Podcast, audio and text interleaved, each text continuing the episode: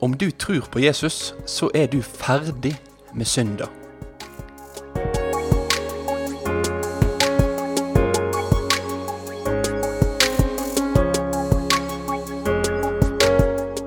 Velkommen til et eh, nytt program av Ord til liv med radio- og TV-pastor Ingvald Kårbø. Podkasten er produsert av P7 Kristen Riksradio, som vil forkynne Jesus Kristus, slik at varig frukt skapes. Vi er takknemlige for alle våre støttespillere.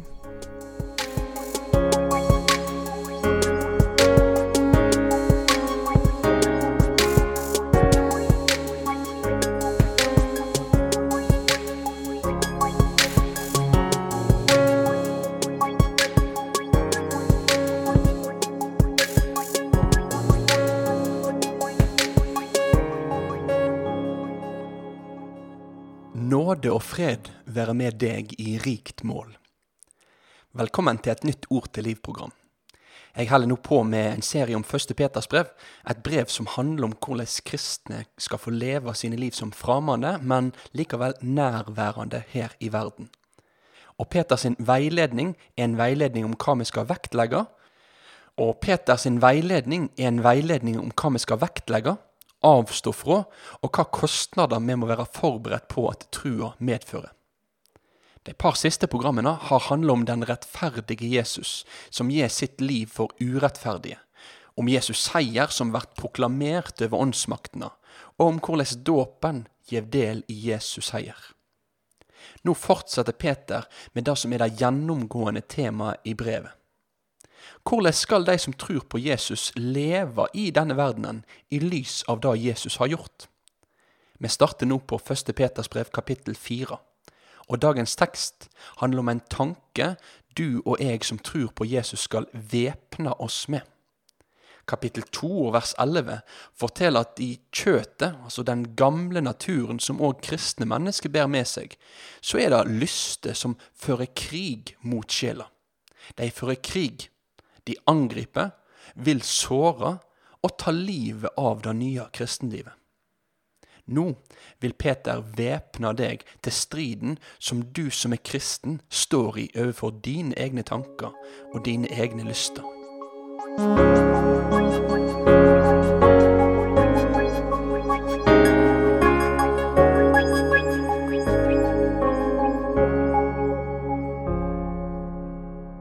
Vi leser sammen 1. Peters brev, kapittel 4, og vers 1 til 6.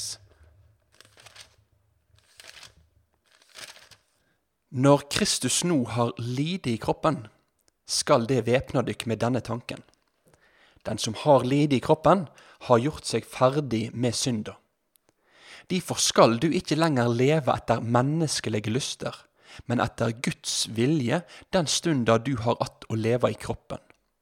Det er nok at det tidligere har levd slik hedningene vil, i skamløyse og lyst, i fasting, drikk og svir og i avskyelig avgudsdyrking. Nå undrer de seg over at det ikke lenger kaster dykk ut i denne straumen av utskeiinger sammen med dei, og de spotter dykk. Men de skal gjøre rekneskap for Han som står ferdig til å dømme levende og døde. Derfor vart evangeliet forkynt for de døde òg, for at de som i kroppen vart dømde slik mennesket blir dømde, ved anden skulle leve slik Gud lever. Amen. Væpna deg med denne tanken. Tankens våpen. Tenker du over det at dine tanker er avgjørende for dine handlinger? Det ser ut til at Peter i alle fall har denne overbevisningen. Og Derfor så er det sånn at når han skal veilede oss som tror på Jesus, om livet med Jesus, så er det ikke bare de ytre handlingene han tar tak i. Nei, og vårt tankesett, vår virkelighetsforståelse, hvordan vi tilnærmer oss og tenker rundt livet, da òg må få bli prega av vår nye status som himmelrike borgere. Og nå er det en tanke han vil plante inn i hjernen vår.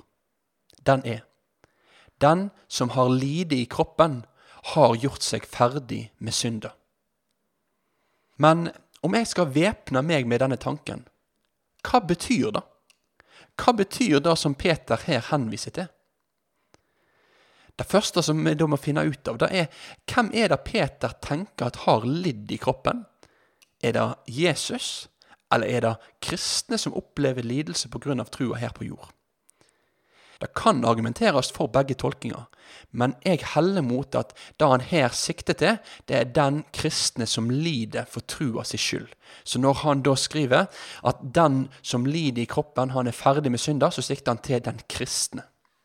Grunnen til det er at det ser ut til å passe i sammenhengen. Det står tidligere Jesus har lidd i kroppen for å frelse urettferdige mennesker og føre oss fram til Gud.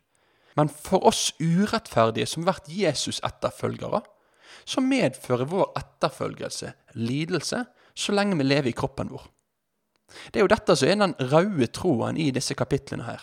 Lidelse av at en gjør det gode, er ikke dermed et bevis på at en er forlatt av Gud. Tvert imot så er lidelse for det en gjør det gode, et resultat av og et tegn på at en tilhører Jesus. Uttrykket 'den som lider i kroppen' kan da rett og slett sikte til at når jeg lever her på jord, i trua på Jesus, så kan jeg lide på grunn av det. Og når jeg da lever i denne tilværelsen og merker konsekvensene av trua på Jesus, så er dette verset her en påminner for meg. Ingvald, når du tilhører Jesus, så er du ferdig med synda. For det er jo sånn det er. Jesus har lidd for mine synder, betalt for mine synder. Han har kjøpt meg fri fra mine synder. Men fortsatt så kriger kjøtet mitt med meg og vil dra meg inn i min egen egoisme, i min sjølopphøyelse og i min nytelsessjuke. Men jeg skal få si til meg sjøl, eller tenke i min tanke, jeg er ferdig med synda. Synda er ikke min herre. Det er Jesus som er min herre. Han har kjøpt meg fri. Han har lidd i kroppen for meg, og nå er jeg hans. Det er han som er kommandanten i livet mitt, ikke synda. Dette er en helt konkret tanke du og jeg skal få væpne oss med. Som du, i møte med det du står overfor i ditt liv, skal få ruste deg til strid med. For min egen del så har jeg begynt å gjøre noe rent praktisk i mitt liv for å væpne meg med denne tanken. Dette er ikke den ene rette oppskrifta, men det er i alle fall et verktøy som jeg for min del opplever at er en påminner om at jeg tilhører Jesus, og at jeg ikke lenger lever for meg sjøl. Det som jeg rent praktisk har begynt å gjøre, det er at når jeg står opp om morgenen, så tegner jeg korsets tegn på meg sjøl, og så gjentar jeg det som Paulus skriver i Galaterbrevet kapittel 2. Der står det Jeg er krossfest med Kristus. Jeg lever ikke lenger sjøl, men Kristus lever i meg. Så for dette har vært en påminner for meg ved starten av hver dag at jeg er krossfesta med Jesus. Og det livet jeg nå lever, da lever jeg ikke sjøl, men det er Jesus som lever i meg. Kanskje dette kan være en måte du òg i dine hverdagskamper kan få væpna deg med denne tanken.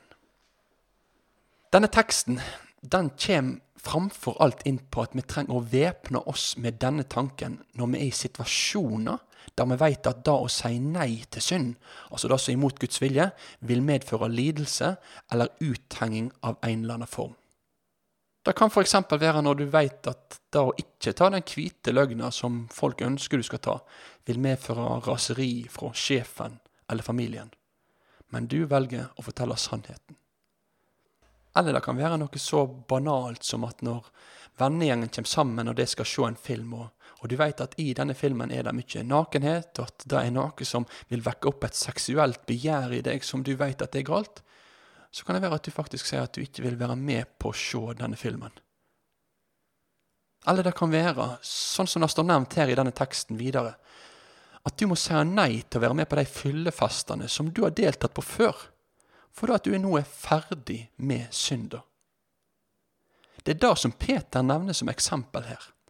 At når mennesker blir kristne og sier nei til en del av det livet som de tidligere har levd, og som var preget av festing og utskeielser, så fører det til undring og spotting ifra de vennene en tidligere har hatt.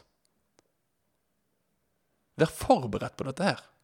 Om du er ny som kristen og tar et oppgjør med det livet du har levd, eller om du òg har regna deg som kristen lenge, men nå virkelig på alvor ser hva konsekvenser trua har for hverdagslivet ditt, vær forberedt på at folk kan lure på hva som feiler deg. Vær forberedt på at du faktisk kan bli stempla som moraliserende, som skinnhellig, eller bare rett og slett kjip. Du kan bli ganske kraftig dømt av mennesket. Men Peter avslutter dagens tekst med å understreke at det til sjuende og sist ikke er menneskets dom som er det avgjørende for våre liv. Selv om vi heilt naturlig vil verte likt av mennesket, og kan oppleve at det både er sårende og vondt å oppleve at vi blir dømt av mennesket, så er vårt store håp at det er Guds dom og ikke menneskets dom over våre liv som er det avgjørende. De som fordømmer oss på grunn av trua vår på Jesus, de må sjøl stå til regnskap til Gud for det. Det er deres ansvar. Men for mennesker som tilhører Jesus, både vi som lever og de som har dødd i trua på Han, så er håpet vårt at selv om vi lir i kroppen og sjela vår for at det koster å gå mot strømmen, så har vi livet med stor L. Gud har gitt oss sitt liv ved sin ånd. Gud lever, og jeg og du som tror på Jesus, har del i det evige livet ved Han. Så mitt poeng til deg er i møte med fristelser og i møte med lidelser, væpna deg sjøl med denne tanken. Jeg er ferdig med synda. Minn deg sjøl på Jesus, han er Herre. Han er min frelser. Han er den som skal føre meg fram til Gud. Jeg er ferdig med synda, for Jesus, han har kjøpt meg fri fra den. Jeg er hans. Amen.